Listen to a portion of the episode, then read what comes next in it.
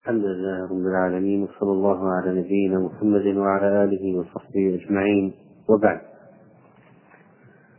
فقد تقدم في شرح كتاب النكاح من بلوغ المرام للحافظ بن حجر العسقلاني رحمه الله تعالى. ذكر حديث أنس بن مالك رضي الله عنه في أن النكاح من سنته وأن من رغب عن سنته فليس منه. وحديث أنس أيضا في أن النبي صلى الله عليه وسلم مكافر بنا الأنبياء يوم القيامة وأن رغبته عليه الصلاة والسلام في كثرة نسل هذه الأمة. وتقدم معنا بأن هناك حركة عالمية لتحديد النسل قد بدأت في القرن الثامن عشر الميلادي وأن لها امتدادات كبيرة في العالم وأنها يروج لها في بلاد المسلمين أكثر ما يكون وأنه يشجع عليها بطرق كثيرة ومتعددة وبعضها بالإلزام وأن وسائل منع الحمل تروج وهذا مما يشجع على الفاحشة ويخالف الرغبة النبوية في تكثير النسل. وأن هيئة العلماء أفتت في عام 1396 بمجلسها أنه لا يجوز تحليل النسل مطلقا ولا يجوز منع الحمل إذا كان القصد منه خشية الإملاق. والفقر. وأما إذا كان منع الحمل لضرورة محققة ككون المرأة لا تلد ولادة عادية وتضطر معها إلى إجراء عملية جراحية لإخراج الولد. أو كان تأخير الحمل لمصلحة يراها الزوجان. مثل إعطاء الولد الأول نصيبه كاملا من الرضاعة فتمتنع عن الحمل سنتين لإكمال رضاعه. ثم تترك المانع. فإنه لا مانع حينئذ من منع الحمل أو تأخيره عملا بما جاء في الأحاديث الصحيحة وما روي عن جمع من الصحابة رضوان الله عليهم من جواز العزل. وتمشيا مع ما صرح به بعض الفقهاء من جواز شرب الدواء لإلقاء النسخة قبل الأربعين بل قد يتعين منع الحمل في حال ثبوت الضرورة المحققة. و المانع له شروط. أولا أن يكون بموافقة الزوجين فلا يجوز للزوج أن يجبر الزوجة على تعاطي مانع وهي لا تريد ولا يجوز للزوجة أن تتعاطى مانعا ولا يجوز للزوجة أن تتعاطى مانعا بغير إذن وعلم الزوج. ثانيا أن يكون المانع غير ضار، فإذا ثبت أن للمانع أضرار فإنه لا. لا يتعاطى لقوله صلى الله عليه وسلم لا ضرر ولا ضرار. وثالثا أن لا يزيد على السنتين بحيث يأخذ الولد الأول نصيبه من الرضاع كاملا حولين كاملين لمن أراد أن يتم الرضاعة ثم يترك بعد ذلك بعد السنتين. وأن القول بتحديد النسل أو منع الحمل مصاد للفطرة الإنسانية بالإضافة لمخالفة الرغبة النبوية في تكفير نسل المسلمين وأن ذلك من أسباب قوتهم. وأن الدعوة إلى تحديد النسل ومنع الحمل بصفة عامة لا يجوز شرعا وإلزام الناس به ظلم. وتعرض مجلس المجمع الفقهي لقضية التلقيح الصناعي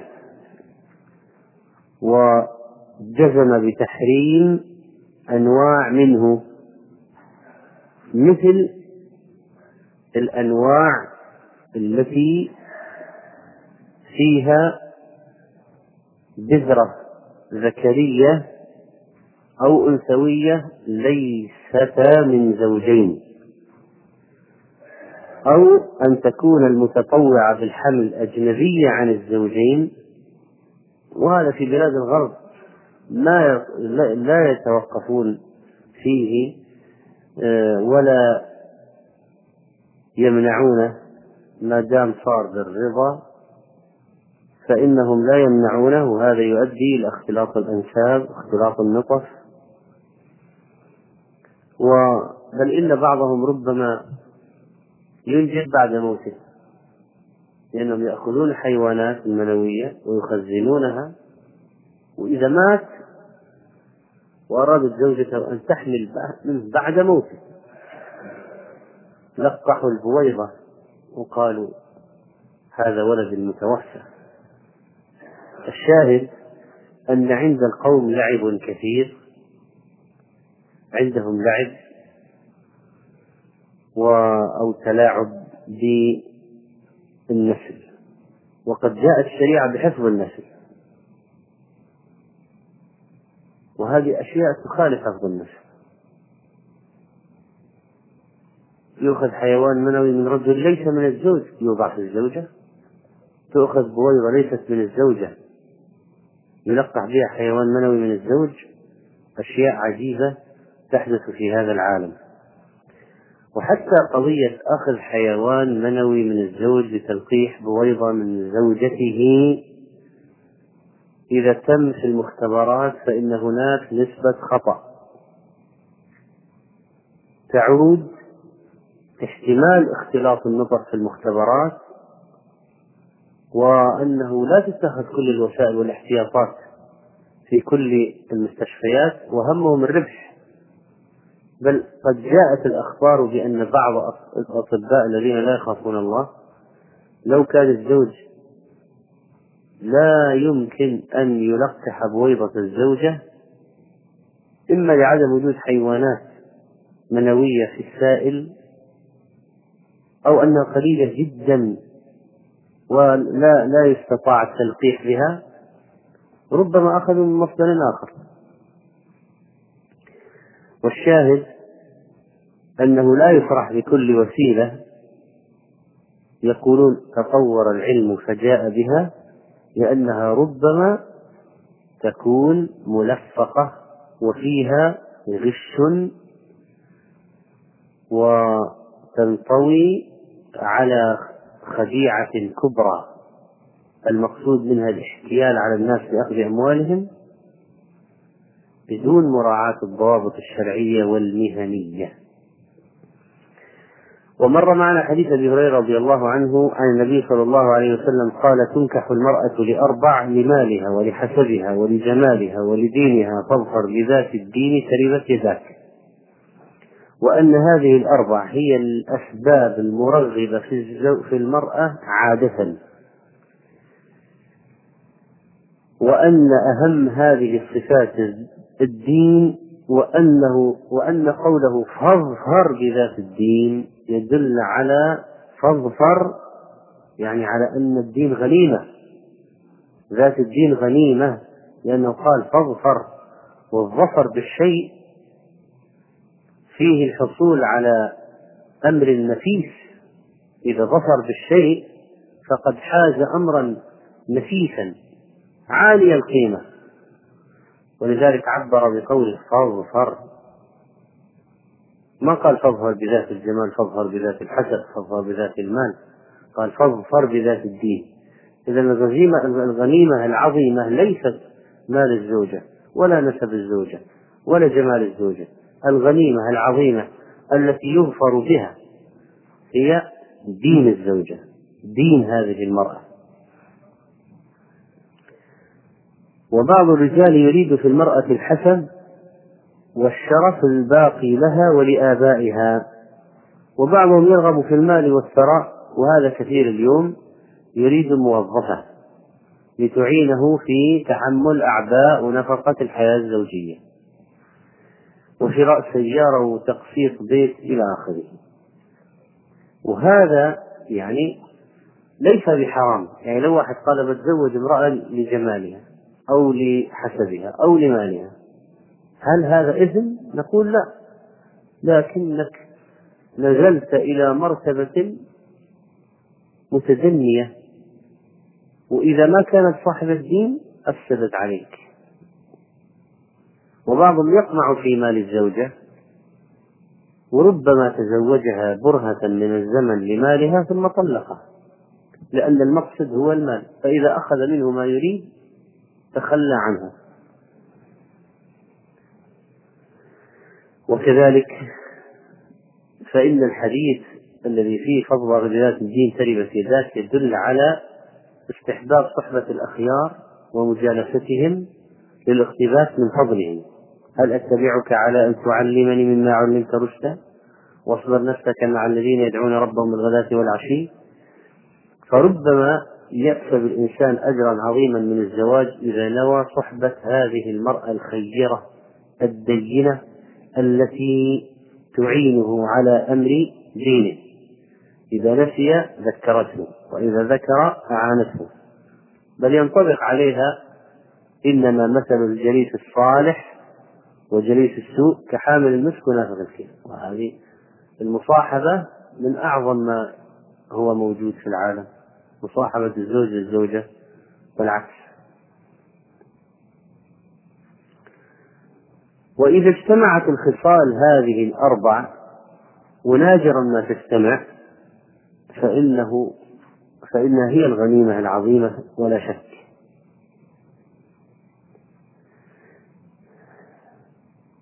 وكذلك فإنه ينبغي على الإنسان أن ينظر في أموره المستقبلة وليست فقط الأمور العاجلة ولأن الجمال الآن موجود لكن غدا يذهب فماذا سيبقى؟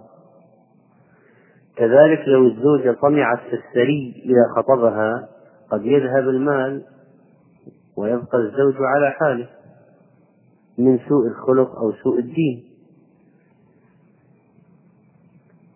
فيبقى هذا من العيوب الكبيرة أن يحرص على الشخص بأمر دنيوي مع رقة دينه وقلة دينه.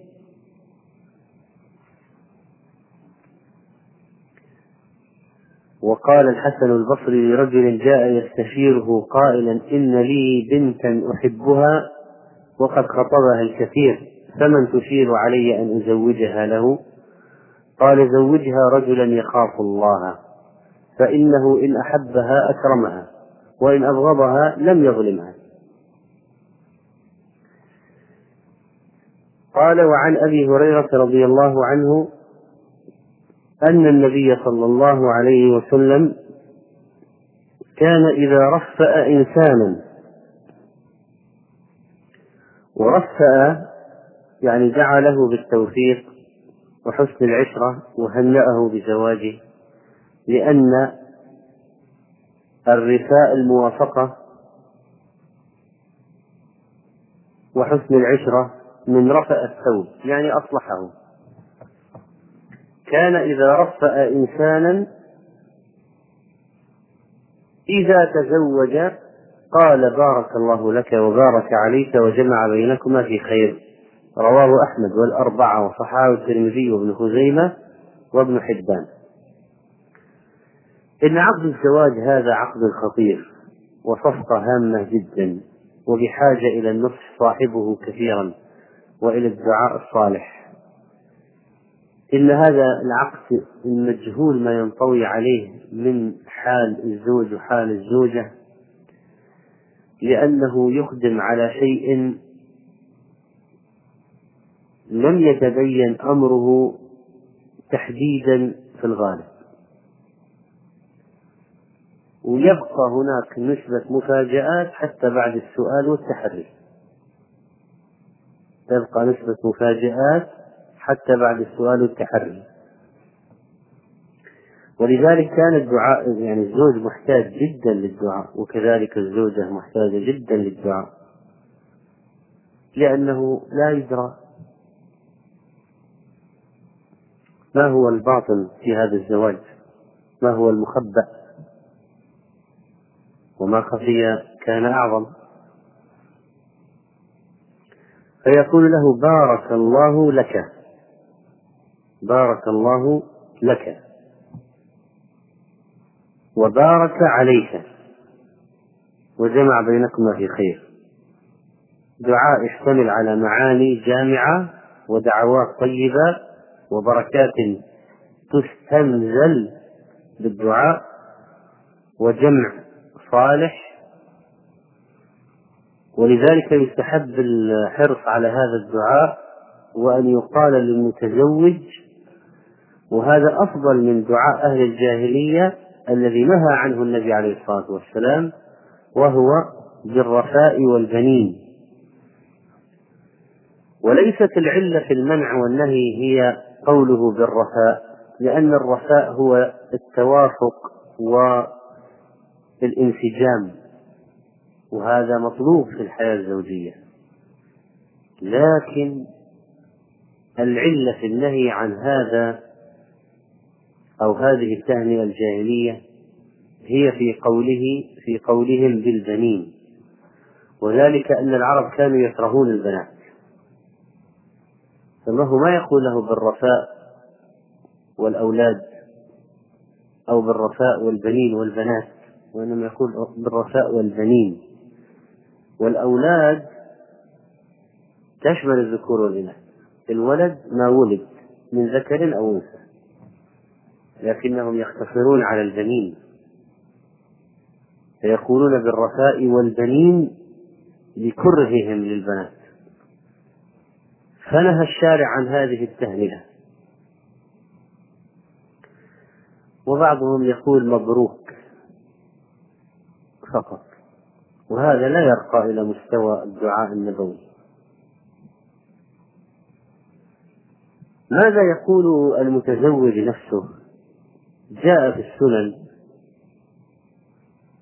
أن النبي صلى الله عليه وسلم قال إذا أفاد أحدكم امرأة فليأخذ بناصيتها وليقل اللهم إني أسألك خيرها وخير ما جبلت عليه. جبلت من الجبلة والخلقة ومن طوت عليه خلقة هذه المرأة من الخصال والصفات والأخلاق. اللهم إني أسألك خيرها وخير ما جبلت عليه وأعوذ بك من شرها وشر ما جبلت عليه. وقول إذا أفاد أحدكم امرأة تزوج استفاد. يأخذ بناصيتها مقدمة الرأس ويقول هذا الدعاء.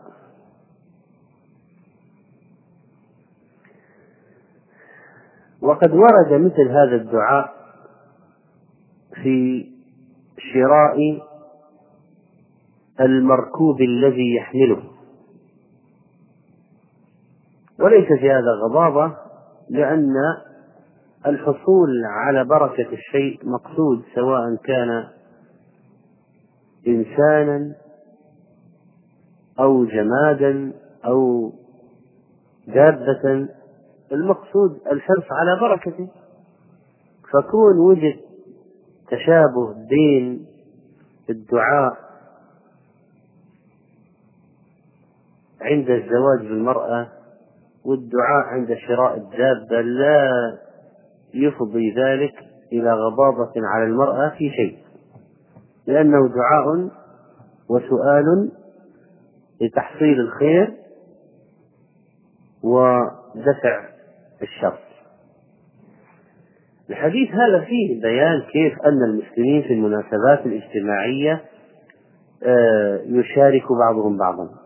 قضية المشاركة الاجتماعية من المسلم لأخيه المسلم هذه لها شواهد كثيرة وتدل على أن الشريعة تريد تداخلا وتريد تجانسا وتريد من المسلمين أن يكونوا قريبين من بعضهم من بعض وأن المشاركة المعنوية هذه الشعورية النفسية تؤدي إلى تعميق أواصر الأخوة بين المسلمين وأن فرح الإنسان لفرح أخيه المسلم ومشاركته في ذلك والتعزية ومشاركته في الحزن أو التخفيف والتسري عنه أن هذا دال على آه، الأخوة بين المسلمين وهذه القضية مهمة بمكان. وهذه المشاركات يعني سواء كانت في الحضور ومن لم يجد الدعوة فقد عصى الله ورسوله أو قضية الدعاء له مثلا كما ورد المشاركة الحضور مشاركة والأكل من وليمته مشاركة والدعاء له مشاركة وتعبير عما في النفس من المشاعر تجاه الآخر من المسلمين.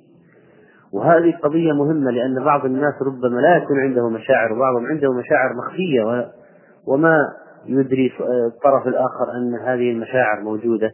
فكيف تظهر بما يعبر به عنها من العبارات والأدعية والألفاظ الطيبة؟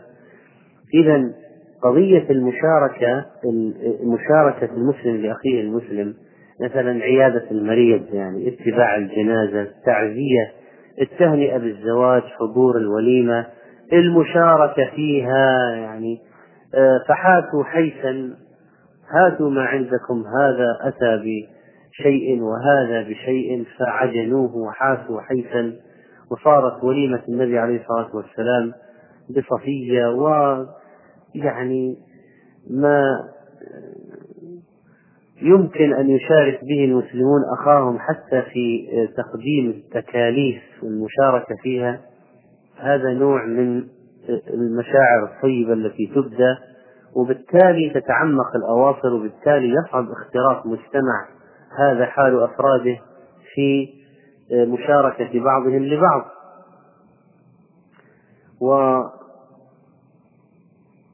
وهذه المراعاة النفسية أيضا تؤدي إلى محبة وجود المحبة بين المسلمين وانعطاف قلوب بعضهم على بعض مما يكون له أثر كبير في التلاحم والتعاون وأن يكون هناك روح جماعية تسري في جسد آه، المسلمين الأمة كالجسد الواحد. فهذه المشروعية من محاسن الشريعة أنها حثت على هذا ماذا بالنسبة لصلاة الركعتين؟ جاء في حديث عمرو بن شعيب عن أبيه عن جده أن النبي صلى الله عليه وسلم قال إذا دخلت على أهلك فصل ركعتين ثم خذ برأس أهلك ثم قل اللهم بارك في أهلي وبارك لأهلي في وارزقني منهم على أية حال لو صح الحديث فطبعا يعمل به. ورد عن ابن مسعود أيضا موقوفا صلاة الركعتين للزوجة إذا خشي منها يعني عدم توافق أو مثلا عدم ارتياح. إذا خشي نفرة منها صلى بها ركعتين. إذا أراد أن يدخل بها يكون هو إمام وهي مأموم خلفه. يكون إماما وهي مأمومة خلفه. وعن عبد الله بن مسعود رضي الله عنه قال علمنا رسول الله صلى الله عليه وسلم التشهد في الحاجة. إن الحمد لله نحمده ونستعينه ونستغفره ونعوذ بالله من شرور أنفسنا من يهدي الله فلا مضل له ومن يضلل فلا هادي له وأشهد أن لا إله إلا الله وأشهد أن محمدا عبده ورسوله ويقرأ ثلاث آيات رواه أحمد والأربعة وحسنه الترمذي والحاكم. وهذا الذي يسمى بحديث الحاجة وهذا الذي يقال في خطبة النكاح وفي كل حاجة كما قال بعض العلماء إذا أرادوا أن يبرموا صفقة أو أمرا أو يتفقوا على شيء ذي شأن فإن خطبة الحاجة مشروعة. وبعضهم قال في النكاح وعن ابن مسعود في خطبة النكاح وغيره وخطبة الحاجة مشهورة معروفة وفيها هذه الأمور الحسنة. الإنسان إذا احتاج إلى شيء ومن صار له حاجة في نكاح أو في غيره فإنه يحتاج إلى أن يفتتح بشيء فيه خير وبركة عليه. والحمد في أول هذا الأمر وهو الثناء على الله تعالى بالجميل الاختياري يعني ما أحد أجبر الله على أن يحسن إلينا. فجميله علينا جميل اختياري. وهو يحمد على صفاته حتى ولو لم يخلق الخلق أصلا.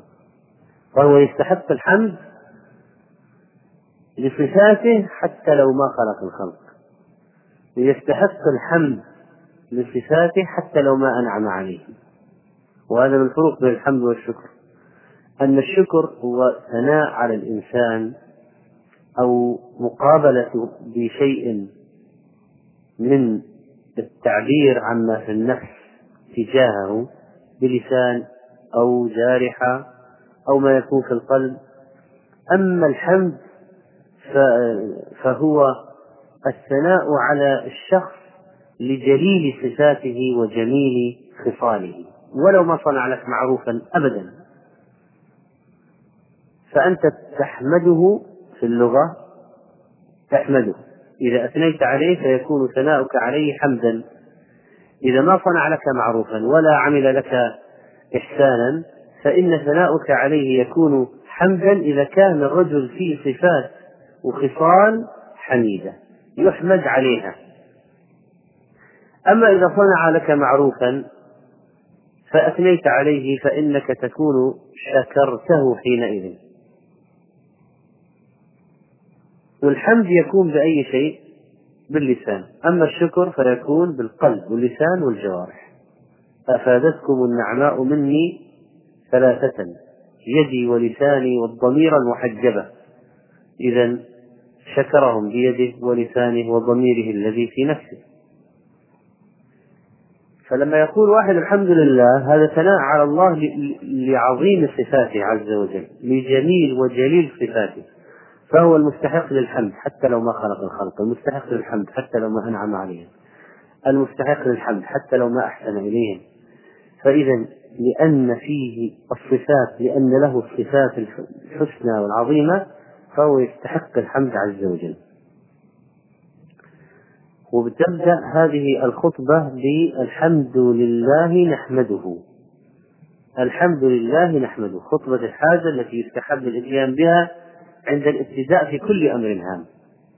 يعني واحد يريد أن يوكل الخليفة إلى واحد بقيادة جيش فيخبره بذلك يفتتح الكلام بالحمد. الخطبة مثلا خطبة الجمعة النكاح هذا يفتتح بخطبة الحاجة. خطبة الحاجة. حاجة. كل حاجة هامة يستحب الابتداء قبلها بخطبة الحاجة. ومن ذلك عقد النكاح. وبعد ما يقرأ هذا الدعاء مشتمل على الحمد والثناء على الله وطلب المغفرة نستغفره. طلب الاستعانة نستعينه. التعوذ بالله من شرور النفس لكثرتها.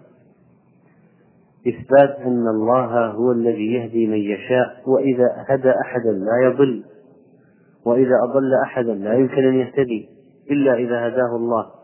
وفيه الشهادة بالتوحيد والشهادة بالرسالة لمحمد عليه الصلاة والسلام. وفيها قراءة الآيات الثلاث. يا أيها الذين آمنوا اتقوا الله حق تقاته في آل عمران. ويا أيها الناس اتقوا ربكم في سورة النساء. ويا أيها الذين آمنوا اتقوا الله وقولوا قولا سديدا والتي بعدها إلى قوله عظيمة في سورة الأحزاب.